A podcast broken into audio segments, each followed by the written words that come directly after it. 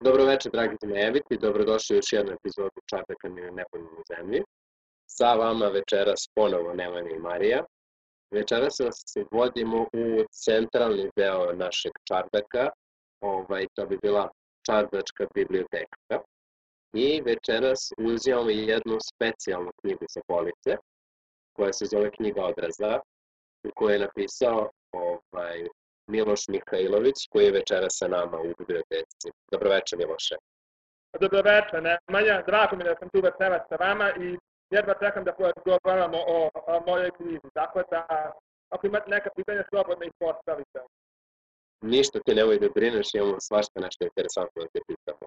Ali ja da, mislim... klasika, Da, ali e, moram samo da dodam da je Marija ovaj, urednica tvoje knjige i da njoj večeras prepuštam čast da nam postavi neko pitanje. Prva. Uh, Nemanja, hvala ti na toj zaista, zaista divnoj uh, uvodnoj, uvodnom uh, dijelu.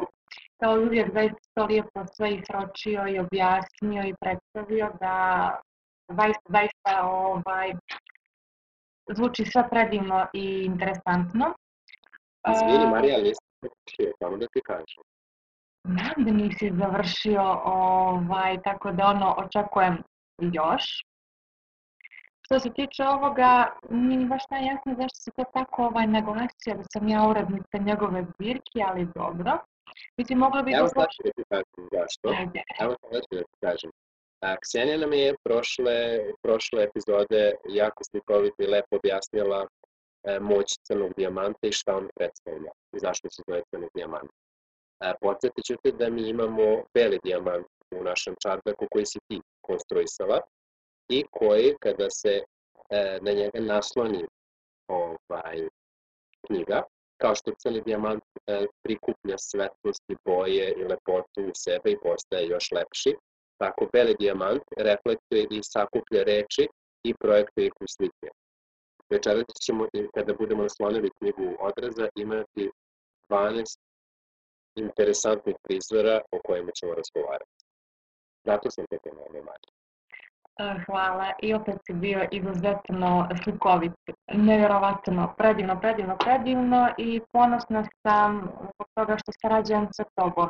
Ali dobro, da se taknemo o Labrisa, da se taknemo knjige odraza, pošto je to večeras tema. Znači, večeras nam je Labris došao da počakula sa nama. A, pitanje koje bih ja uputila Milošu, neće se vezati sad konkretno mi stvari koje mene najviše, najviše zanimaju, tome sam pisala u pogovoru zbirke. Više će biti tako neke impresivne, emotivne prirode. Miloše, kako se osjećaš pošto sad izlazi tvoja zbirka? E, Znači, izlazi zbirka nakon dva romana. To je veliki preokret. Molim te, reci mi nešto više o tome, što će našim slušalcima i gledalcima biti interesantno da saznaju. a, pre svega, Marija, htio bih da ti se zahvalim na a, pitanju koje sam i sam želeo da čujem, ali ga se nisam setio. Tako da si uspela još jednom da uđeš u moju podsvest i da a, shvatim šta ja u stvari želim. Pa nije Marija slučajno zmajevita, Marija se rodila kao zmajevita, ona to mora da zna. Ne vidim, kako to iznenađenje, to nije iznenađenje, to je prirodno. Izvinjavam se na upadice, ali prosto sam morao. Da, hvala ti, nema je još jednom su put nota na sve što se dešava, ali volim od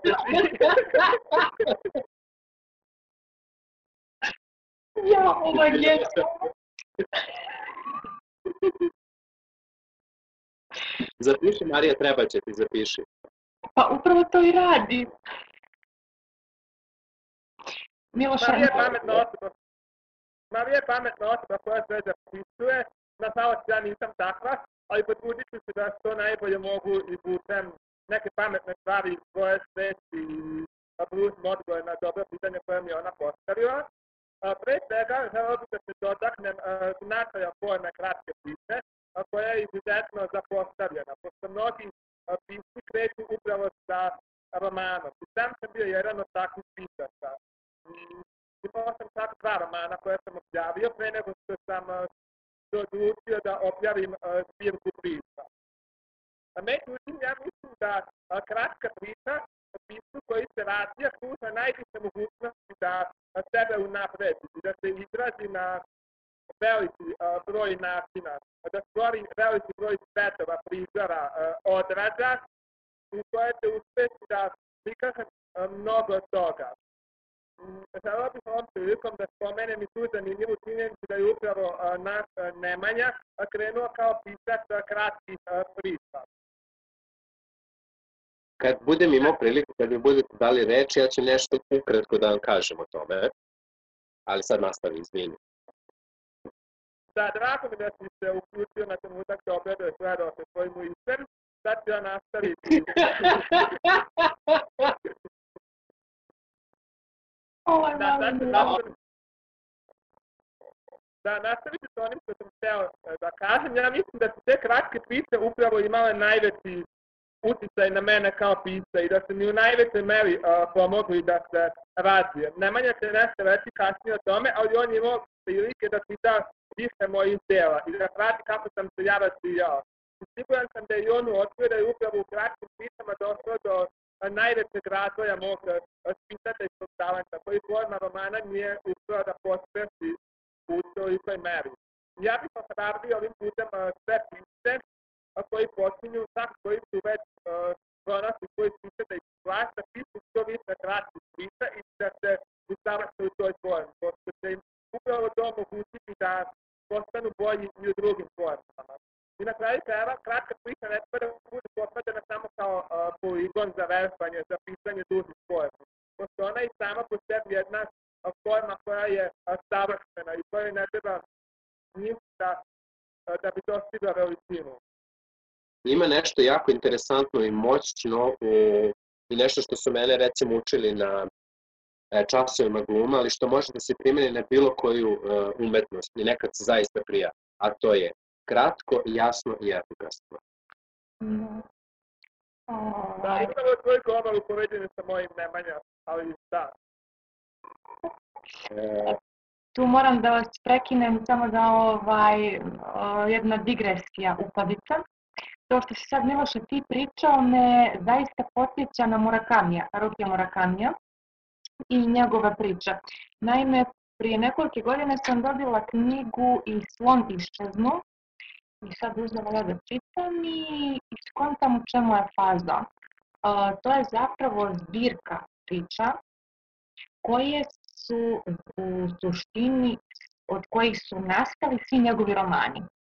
Znači, onda sam shvatila da je on zapravo pisao prvo kratke priče, koje je oblikovao, modelovao, razvijao, razmišljao, planirao šta to može biti, kako, to, kako može teći radnje.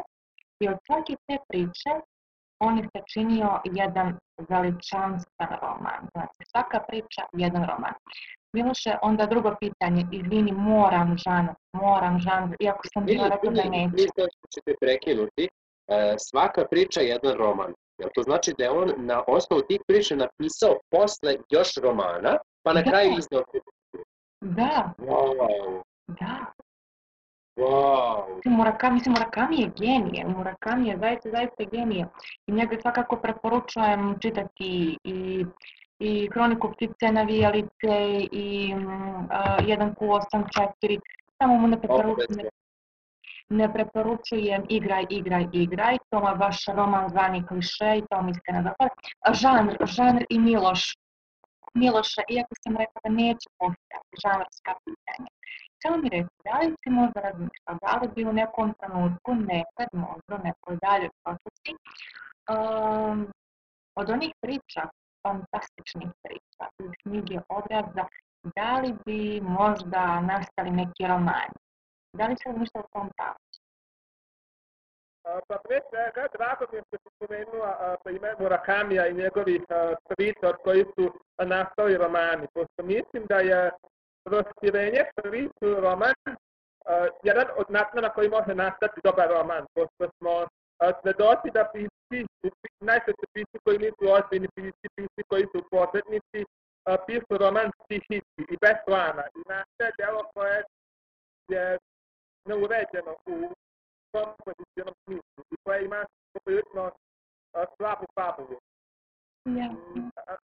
Da, znam da se ti susretao s tim i baš zato mi je drago što si to spomenula. Da, vrlo moguće da će jednog dana nastati na osnovu nekih tema, motiva iz knjige odraza roman. I mislim da mi je upravo sastavljanje ove zbirke priča omogućilo da povežem neke teme koje su se javljale u mom pisanju, koje nisam uspeo da prepoznam dok su bile u različitim pričama. Ali kada su te priče sklopljene u jednu celinu, ja sam uspeo da uočim neke svoje tendencije svog pisanja, uspeo sam da uočim neke zajednice crte koje zaslužuju možda proširenje jednog dana u romanesku formu.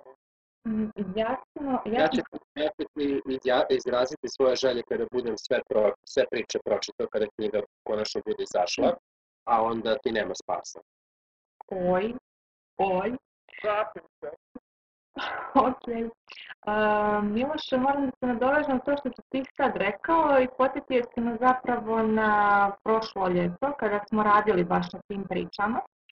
Moram priznati da u jednom trenutku jako malo je falilo, baš baš malo je falo da se priče otrgnu iz forme priče, i da da kažemo nekog vijenca pripovedaka, i pređu u formu romana.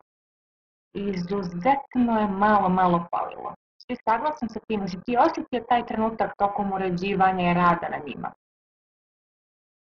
Pa, naravno, drago mi ću već svega imati priliku da pričam o tom procesu koji je bio krajne zanimljiv i rekao bih nesvakidasan. Pre svega, da uputimo one koji nisu, naravno, svi se mene i Marije nisu upućeni u koncept nastanka knjige odraza. Ona je praktički je počela kao ideja od zbirki mojih priča. Pošto je jedan broj mojih priča objavljen, jedan broj je u rukopisu praktički i ja sam došao na ideju da sastavim knjigu, jednostavno koja bi obuhvatala moje najbolje priče. I sada sam se javio i se vratio sa tom idejom. Inače smo pre toga planirali da radimo još jedan roman, ali ja sam promenio mišljenje i rekao sam čekaj ne sviđam se ovaj roman, smatram da su moje priče bolje. Mogu ću to da radim ako su svi slažu. I on se složio. Sada mi je kao saradnica dodeljena upravo Marija. I u početku nisam znao šta od nje da očekujem, naravno, pošto sam izuzetno zatvoren prema ljudima s kojima treba da radim, dok ih ne upoznam. I a, na početku je postao samo Marija, ja i hrpa mojih priča, dvadesetak priča, ja mislim, od kojih je trebalo nasminiti knjigu. I to je bio naš uh, početak. I Marija i ja smo jednostavno prolazili put, proces, jedan koji je vodio od te hrpe priča pa sve do jedne zbirke koja se graniči praktički uh, sa romanom i koja ima svoju uh, koncepciju. I Marija mi je velikim delom pomogla u tome da ja uh, prepoznam koje su priče prave za zbirku, a koje treba odbaciti. Moram reći da su to prilikom bili izuzetno nedovoljno. Da smo se, onda i ja malo tere tako u tome koliko ćemo priča uspeti da prihvatimo.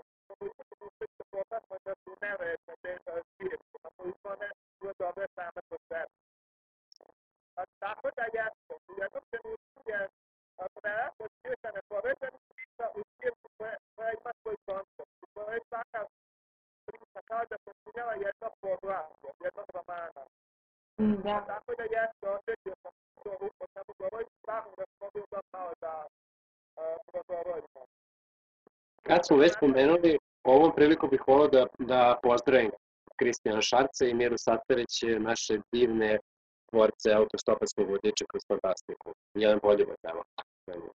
Pozdrav!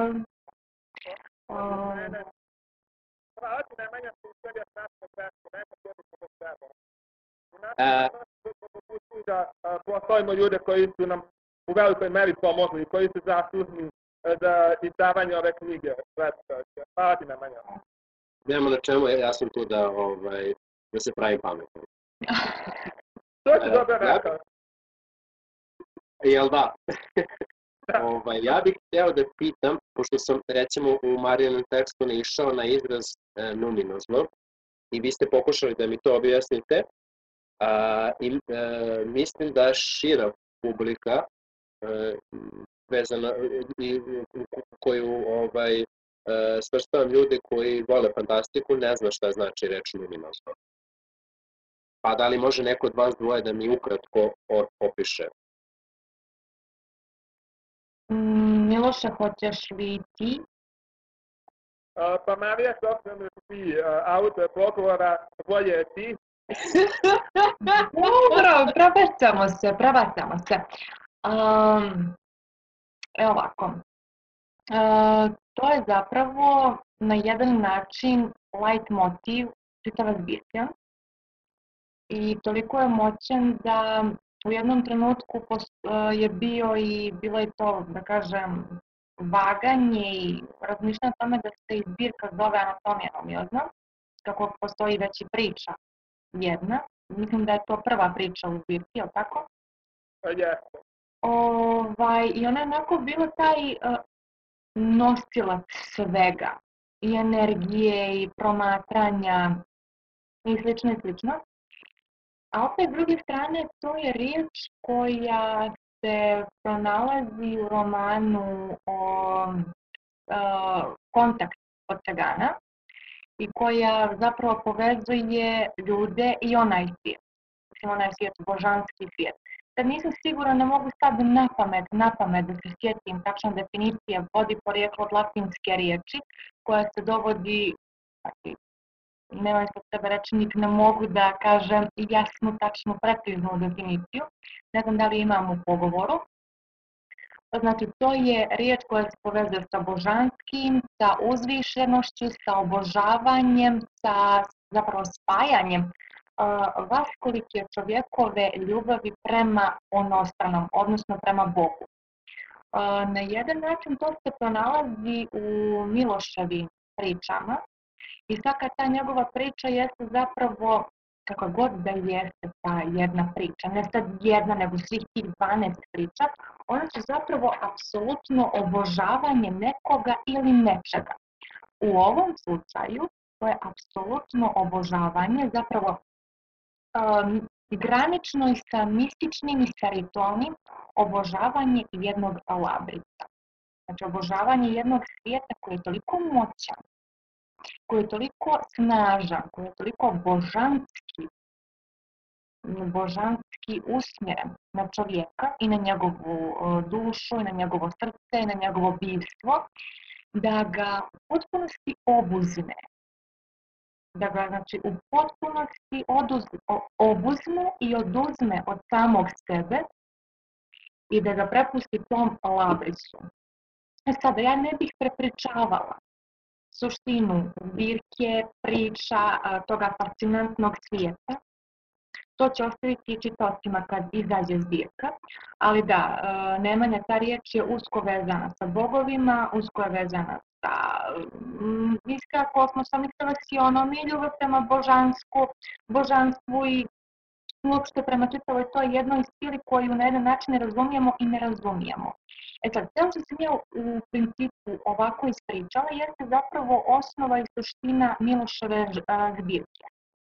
Znači, jedna od uh, fascinantnijih stvari jeste ta što, ok, ja sam prošla taj urednički posao sa tom knjigom, prošla sam i lektorski i korektorski, zaista smo na jedan način Miloš ja porodili tu zbirku, ali u tom procesu u tom, u tom, u tom uh, oduzimanju tih riječi, tih priča, uh, zaista u jednom trenutku sam se osjećala obuzeto.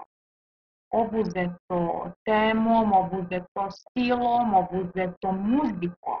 Svaka ta priča posjeduje svoju muziku, svoj ritam.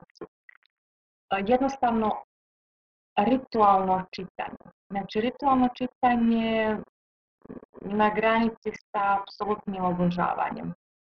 Evo, evo i dok ti objašnjavaš da ti pričaš o tome, e, ja postajem obuzet i numinozan. Sa se dobro izgledila, tako?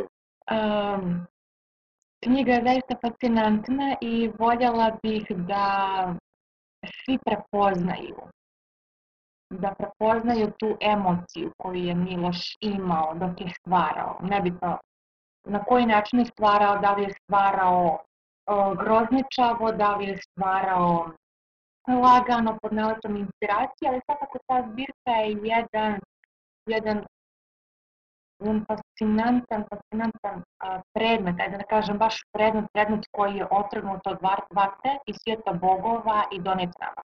Ok. E, ovaj, pošto je Miloš malo pre pomenuo naš zajednički rad i naša zajednička, ovaj, e, kako bi se izrazio, e, spisalačka odrastanja i sazrevanja, ovaj, rekao je da sam krenuo sa kratkim pričama. Je delimično tačno, budući da ja moj svet, vezan, e, svet iz ukradenog Boga stvaram negde još od srednje škole. E, samo što sam imao e, izlete ili e, odmore od, e, od tog sveta ovaj, i pisao tada kratke priče. I da, moram da se složim sa njim da su one e, super za vežbanje, da su super za e, iskazivanje trenutne emocije, to je meni jako značilo u pojedinim trenucima i e, preporučio bih e, svakome ko do sada nije probao da piše, da, da piše i da vežba. Jer su ovaj, sjajne čak i za romane e, u kojima e, imate glave koje bi trebalo da budu zaokružene.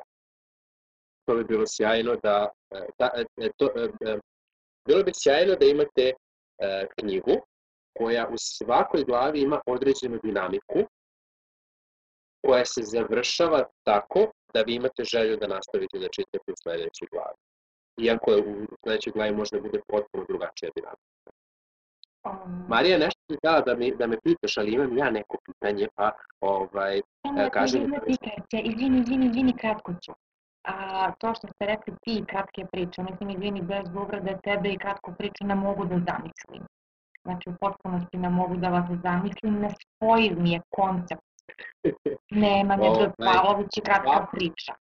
Ja se iskreno nadam da će u, jednu, u jednoj od narednih emisija ovaj, sa nama biti jedna dama koja će ovaj, jedna dama. potpuno degradirati, e, u stvari i satariti, kako kaže njeno predstavlje, i možda ti odrobijati ali možda, ako bude loše volje. Dobro, jasno. Ovaj, ja se tu ne mešam i ja neću da kažem svoje mišljenje po pitanju mene i moje kratke priče, ali ima neko ko će da kaže. Toliko. Okay.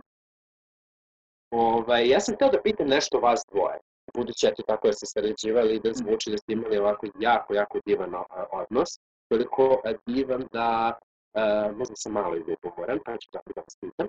Da li ste u toku vaše saradnje imali nek, e, neku dovoljno veliku raspravu nesporno nešto zbog čega ste pomislili da ćete raskinuti sa radnjom. Ja više ne mogu.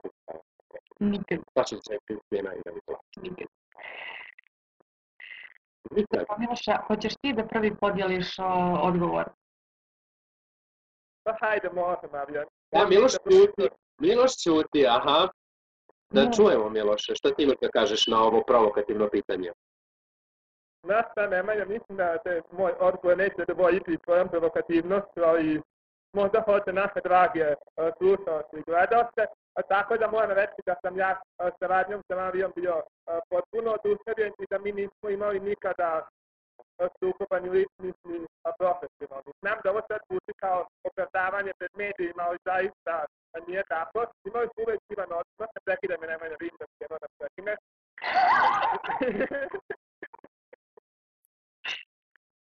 A, moja faca se pretvorila u staklenu lutku iz izloga. Jezivo, pogledajte to. Da, i sve da reći, Marija je jedna od osoba s kojima sam zapravo imao a, najbolju saradnju i u kojoj, u kojoj su me uvek postavali kao autora. Situacija je takva kada se uređuju zbirke, kada se uređuju knjige, često dolazi do sukoba koji su uzrokovani čisto sukobom mišljenja i nemaju ništa veze sa licima, ali znaju da eskaliraju, ali zaista nisam moj nikako takvo iskustvo i mogu reći da sve što je Marija rekla, svaka kritika koju uputila na moj račun samo je unapredila i mene i moju knjigu. I to je to što ću ovog puta izjaviti. Marija, da li se tvoje mišljenje razlikuje od mog? A, ni najmanje, ni najmanje. Rad sa tobom je bio toliko nevjerovatan, baš, baš nevjerovatan. Do, došlo je do toga da sam ja čak i prestala u tim komentarima ostavljati objašnjenje zašto nešto treba popraviti i kako nešto treba popraviti. Znači, bilo je dovoljno samo da označim tu rečenicu ili taj pasus i samo da stavim tipa komentar, ne znam, rečenica nije dovoljno savršena. Da, ovaj tip komentar. Sjajno, sjajno. E, pa Miloše, ovaj, sad ću Ne, meni ima pitanje za tebe. E, Ja, čekaj da uskočim u ovu dramsku pauzu, molim te. Ovaj, I da se složim sa tobom u potpunosti što se tiče saradnje sa Marijom, budući da ja od skorije e, ovaj, radim sa njom na jednom tekstu, jednom romanu. Ja. Ovaj, da terminologiju. moram da priznam da me inspiriše da pišem dalje, ali zaista. Način na koji ona sugeriše, način na koji ona komentariše, pa čak e, i kada mi kaže e, i seti to, kaže na tako šarmantan način da se ja prvo e, ubijem od smeha. Dobro, momci, ok, ok, pričamo o, knji- o, pričamo Kad o mladosti. o ovome, Kad već o ovome, kad sam ja opet naveo vodu na svoju vodenicu, ovaj, ja moram da postavim još jedno pitanje konkretno Mariji.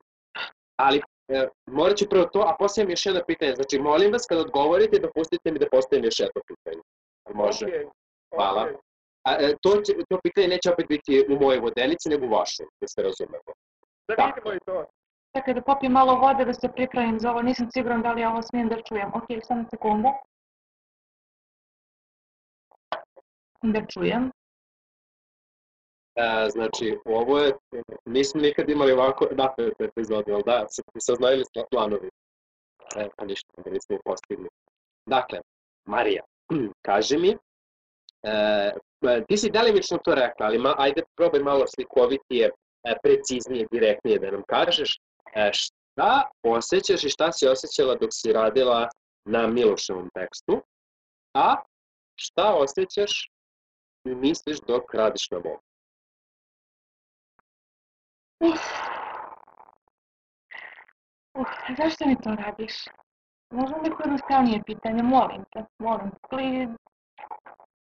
Ok, o, mogu, to baš mogu bilo... da budem, Šta? mogu da budem, mogu da budem e, prost i bezobrazan, pa da postavim pitanje e, ko je bolji, ali to nije suština onoga što ja Samo te želim da strah postavim. odgovora, samo te strah odgovora, to ću da kažem. ne, ne, poente, poente priče zaista nije u tome ko je bolji, nego mene zanima ovaj, upravo ono što sam rekao. Znači, zanima me kako se zove, Evo ovako. A, da emotivno sa emotivne ili sa književno-teorijske? I književno-teorijski. Da. Da li si spreman da otvoriš ta vrata, Nemanja? Da li si spreman? Vrata ta, pa budući da stalno u svojim pričama otvaram neka magijska vrata, zašto ne otvoriti još jedno? Nikad se ne zna šta Vrata se... književne teorije. Može. Pa, znaš šta je po- e, interesantno? Ovaj, da ja verovatno neću ni razumeti šta ima da kaže. Dakle, ja bezbedan mentalno i psihički emotivno. Ako mi neko ne objasni, naravno. A, sad, pot- sad se malo ovaj, zeziš, ok. Pa ti i Miloš ste zapravo dva različita svijeta u, u svemu, u koncepcijama, u načinu pisanja, o doživ- doživljaju pisanja, iako je jedno od mojih pitanja zapravo da vas sad ovako suočane, pitam na koji način stvarate, šta je, na koji način vi pristupate tom tekstu u glavi, da ga prebacite na, na računar, da ne kažem na papir, penkalom i slično, slično. Dva ste različita svijeta, dva ste različita stila, tona, koncepcije, uh, funkcija bukvalno znači ne, nemate dodirnih tačaka. Um, dok Milošev tekst je, to jest Miloševi tekstovi su utegnuti. To su tekstovi koji kod mene dolaze apsolutno perfektno uređeni, sređeni, do detalja. Tu su tačke zarezi, tu su zarezi, sve ispoštovano, čitava forma, sve, sve, sve, sve, sve, sve, sve. I tačno se i jasno se vidi način kako on to radi. On je uzeo sav taj materijal, sve svoje ideje, uzeo je, otrgnuo od jednog grada, otrgnuo je od duha, otrgnuo je od ideje koja se nalazi ko zna gdje i ko zna kako. I toliko je čvrsto postegnuo i oblikovao da se još bilo vrelo i donio nam jednu priču, primjera radi, jednu priču. Um, upeglanu, sređenu, pod konac. Ok, uvijek na tom, nekom, na tom nekom tekstu može da se radi, uvijek nešto može da se popravi.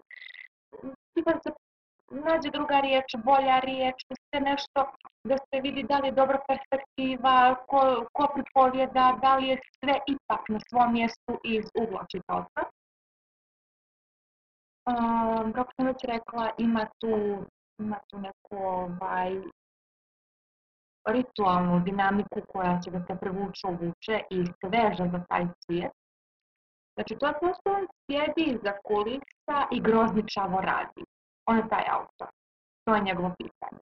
A dok si mi ti u potpunosti znači, suprotan tome. Ti si, ovaj, kako sam to jednom prilikom čak i rekla, neko ko ode u rudnik. Sa korbakom prepunog dinamita. I razgleda ili taj rudnik ili ne, ne, izvinjam se, bolje neko brdo, bolje brdo, znači otišao si negdje, neka priroda, pronašao si predivnu, predivnu prirodu, vidio si jedno savršeno brdo, planinu, nebitno stijene, kamenje, toliko savršeno da si ti odlučio, aha, ona tamo pukutina mi se mnogo sviđa, tu ću baš sada stavim jedan dinamit, da izvučemo njega najbolje, da napišem priču. I ti uh, uzimaš od svijeta ideja dinamitom. Znači uzimaš eksplozivno, uzimaš jako, moćno, uzimaš sve, uzimaš i krupni kamen, i sitni kamen, i kamenčiće ne baš male, male, male, sa sve prašinom. I onda iz toga gradiš tu priču. I ta priča je toliko haotična, dok je ti tako gradiš, gradiš, gradiš, odjednom odluka ti pogled i vidiš drugi dio Opravdati si vidio još jedan kamenčić koji ti je tako interesantan da se uglavi tvoju priču i kažeš aha, idem sad po njega. Onda se tako ispenješ, staviš novi dinamit da bi izvukao iz te tijene, brda, šta god i kako god, drugi dio koji ti se dopada, za koji smatraš da ide za tu priču, za to određeno poglavlje tvog romana. I onda tako tu skumbaš sve da, I ono je zaista divno. To je, to je umjetnost. To je tvoja umjetnost prepuna života, e, eksplozivna, brzopleta, poput maje je. Znači, tvoja umjetnost je poput maje. Maja koja? Maja, aha, stvarno. Da, poput maje je. U tvoje perspektive zvučim, zvučim kao savršen recept za kafetir za mnogo kafetina. Um, ja ne znam da bih mogao da radim imao strpljenja. Ali na koncu kad ti tekstovi dođu kod mene, kad ja vidim sve te rečenice, sve te paragrafe, sve te ideje, i kad mi to sve razložimo i kad sve podijelimo i kad napravimo od toga zapravo sređenu cjelinu kad maknemo krupno kamenje tamo, sitno ovamo, prašinu stavimo tu između, tipa paučina dekorativa, onda imamo jedno zaista, zaista, zaista magično poglavlje. Znači, neću da kažem čarobno, neću da kažem volšebno, neću da kažem fantastično, reći ću magično poglavlje, jer je tvoje pisanje magično. Da li možete? Marija. Da, ovo je više nego što sam želeo da čujem, tako da ovaj, baš se divno. A ja imam još jedno Nešto ti malo posle vremena, Nemanja. Izvini, A nešto ti malo posle vremena mogu ti reći posle ove pohvale koje si dobio. pa kako ne, ovaj, prosto, mi, e, lepo je čuti lepo reč o sebi, ali... Ovaj, Marija, ili imaš ti još neko pitanje? Imam pitanje za vas dvojicu. Za vas dvojicu, a tiče se moje prethodne priče i pitanja koje si ti meni onako e, postavio. E, Ovo zvuči ovaj, kao da sam uperio pištolj od tebe da odgovoriš. Da, jer ja sam vaš urednik obojici, stavio si me u nezavidnu poziciju da objašnjavam kako, koje, kako mi djela čije pisanje. Ono što mene zaista, zaista zanima, i zapravo me zanima iz perspektive nekoga ko se bavi proučavanjem književnog dijela i uopšte samog procesa stvaranja, taj stvaralački proces mi je izuzetno od uvijek bio i uvijek će biti intrigantan. Šta je to? Kako vi pišete? Koliko dnevno pišete? Mjesečno, nedeljno? E, Da li imate neke rituale? Šta je to što karakteriše vaše pisanje? Miloša, moram pitati od tebe. A, Naravno, Marija. Ovo je izuzetno zanimljivo pitanje. Vidim da se o njemu raspravlja dosta na e, internetu ovih dana. Pretpostavljam da mi to i postaklo da ga postavi. A danas nam se često predočava argument da je potrebno pisati što više, da je potrebno pisati što češće i to su upravo izrazili mnogi pisci, među kojima je i Murakami, koga si ti spomenula, i koji ima izuzetnu radnu etiku. Nažalost, moja radna etika nije baš toliko izuzetna, to moram reći. I ja nisam osoba koja uh, piše uh, svakog dana.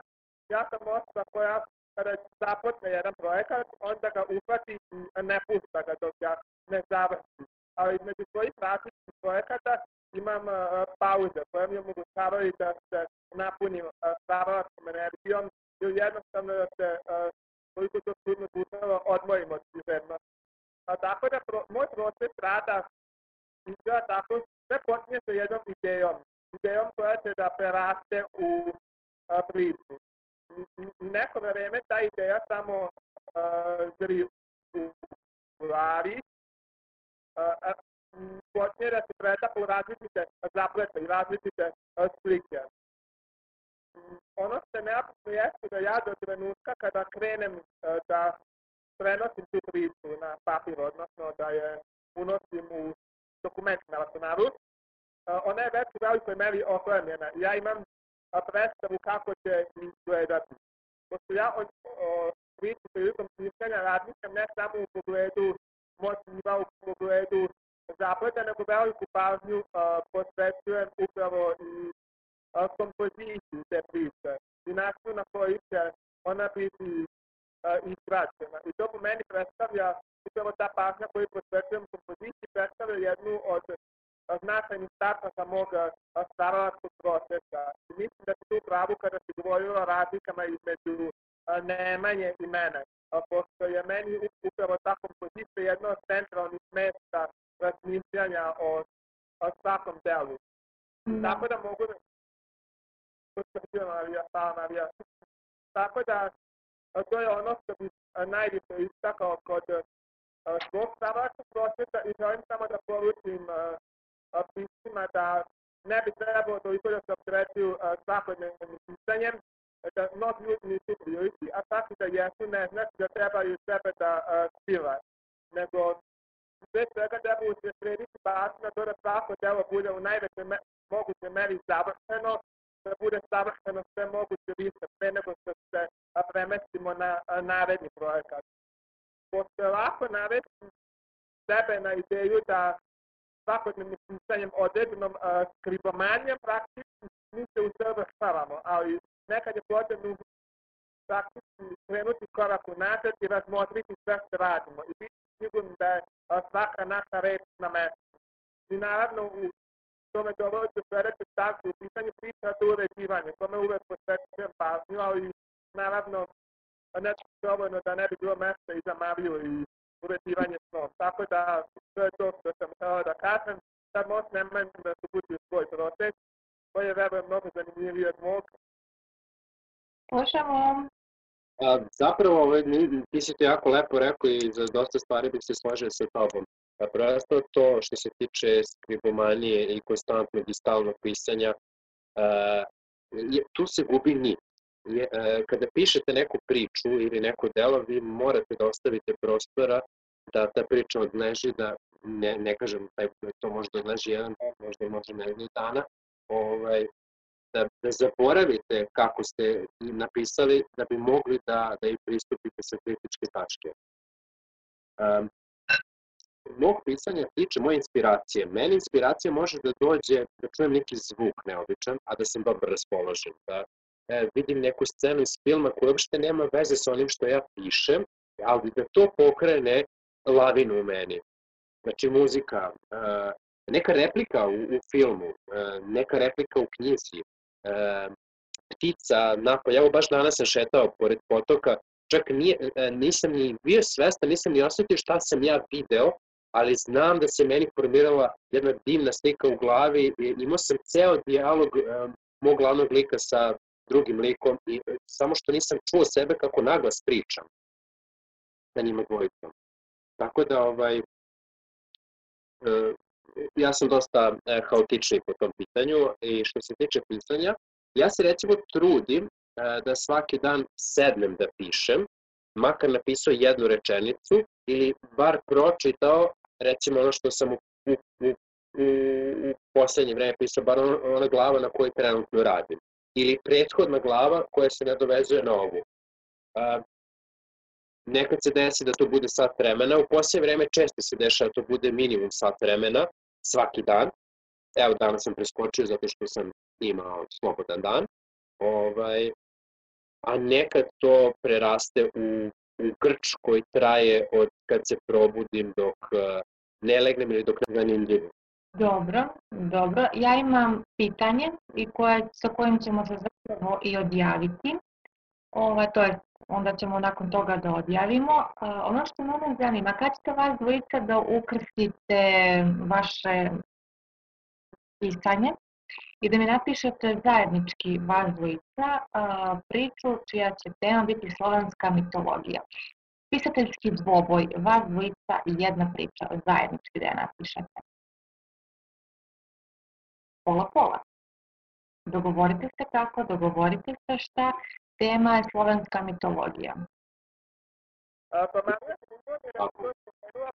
Nemanja i ja već razgovarali o mogućnosti naše saradnje, ne naravno na temu slovenske mitologije, ali nekoliko puta smo započeli dijalog praktično i kako da kažem brainstormovali smo, jer mi smo idejama za zajedničku priču, ali to se još nije ostvarilo iz razloga što smo bojica izuzetno naše stavačke prirode i kako da kažem svako je terao vodu na svoju vodenicu, ali siguran sam da ćemo uspeti da stvorimo nešto zajedničko.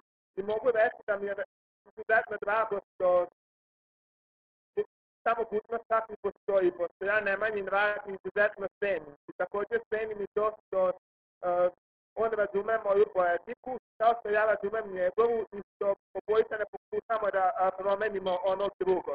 I to je zaista ono što nedostaje uh, piscima, pisovacima i urednicima danas sposobnost da se drugi ceni i da se ne pokušava promeniti. Nemanja, šta ti kažeš? Hvala ti, ja se potpuno slažem sa tobom i isto ja kao i ti što oceniš moj i ja cenim zaista tvoj i pratim tvoj rad jako dugo još kad si bio ovako mali.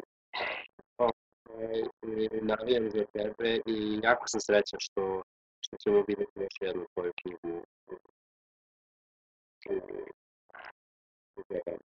Da, ali nisi odgovorio na Marino pitanje. A što da, e, sad kad je Marija pitala, sačekao sam da ti završiš i meni je bljesnula ideja, u jednom momentu sam prestao da te slušam, zato što je rekla je mitovi i meni je kroz glavu prošao uh, jednorog, bio sam u fazonu, uh, pa to je tako uh, zapostavljena i, više, i slabo obrađivana tema osim u crtačima. Zašto ne bi, ne bi pisao nešto o jednorozima, pegazima, o svim mitskim konjima i božanskim uh, konjskim vrstama. Tako da ovaj, možemo napraviti neku priču, ali naravno a, konja kog ja budem smislio ne može da jaše tvoje mitsko biće, da se razumemo. I tako može. Može, Nemanja, bit će mi drago da povedemo situaciju u, eto, tu stavu Spartaka, da vidim naša da sedim na konja. Slažem se, može, super. Ali u štali Čarleka može da bude samo Pegas. I možda neki jednoro koji se teleportuje. A izvini, a jabučilo, izvini, jabučilo. Ja Konj- podsjetim, Konj, iz može. naše- konj iz naše mitologije. Ujeo si me za srce sad. Imaš domaći, da se Imaš- beše. imaš domaći zadatak. Krilati, Pročitam jednu narodnu pjesmu. krilati jabučilo. Kuja Ja bi isto, ja iskreno, Pročitaj Izvini. meni kraljevu kasina, Nemanja. A, inače, samo moram da sad dodažem, setio se i pokušavam to da kažem. Ja isto tako mislim da je e, šarac kralja, e, ovog, e, Marka Kraljevića isto Pegas bio. On je stalno pričao o nekim velikim skokovima. Ne, to su, to su krila, bajo moji. On je leteo. Tačka. Jabučilo je bio krilati konj kome je ljub, ljubova, ljubav Vidosava voskom zalijepila krilo. To je bio fa- fascinantni konj naše mitologije i naše epske poezije. Ok, da ne ulazim sada dalje u tu priču, ti imaš zadatak da pročitaš o Jabučilu. Vas dvojica imate zadatak da zajednički napišete priču o slovenske mitologije, a ja želim da se zahvalim obojici na zaista divnom, divnom razgovoru na prelijepoj priči, divnoj saradnji i zaista, zaista inspirativnom ovaj, razgovoru. Hvala vam obojici što ste bili gosti večeras. Što smo se družili Hvala večeras. Ja isto želim da se zahvalim Milošu što je večeras bio sa nama i hvala tebi Marija što me trpiš ovoliko dugo u svim ovim emisijama i hvala ti što me inspirišeš u svim ovim emisijama i Obećano. I van njih, Nemanja. hvala ti što ispunjavaš moje želje. Ok, ok. a, hvala svima što su ostali sa nama da nas slušaju do kraja. Nadam se da im je bilo interesantno i zabavno koliko je bilo i nama interesantno i zabavno i da će uživati u Milošovoj knjizi kad izađe. Da, upola onoliko koliko sam ja uživala, ja ću biti zadovoljna, vjerujem i Miloš. Da, naravno da hoću, Marija, mada mislim da ova knjiga neće naći čitalaca kao što si ti. E, pošto je ova knjiga kao pisana za tebe i sva praktički e, na kraju, e, htjela bih ja da se zahvalim svima. Hvala vama što ste me e, pozvali, bilo mi je zadovoljstvo da e, pisamo. I hvala svima koji su nas slušali, koji su isto kao i ne samo mene sa nekako moguće, nego i e, gospodina Nemanju Pavlovića, autor ukradenog Boga i to je to. Pozdravljam vas ljudi. Pozdrav! E, e, em je, izvinjavam se, e, kako se zove, em je malo bezobrazan, em još spomi, i em još krade moju odjavu. Ja moram da kažem hvala dragi Zmajeviti, e, izvinite, ovaj, i- veliko vam hvala što ste uspeli da nas istrpite ovoliko i molim vas doletite nam ponovo. E sad možemo da kažemo ćao. Ćao! Ćao.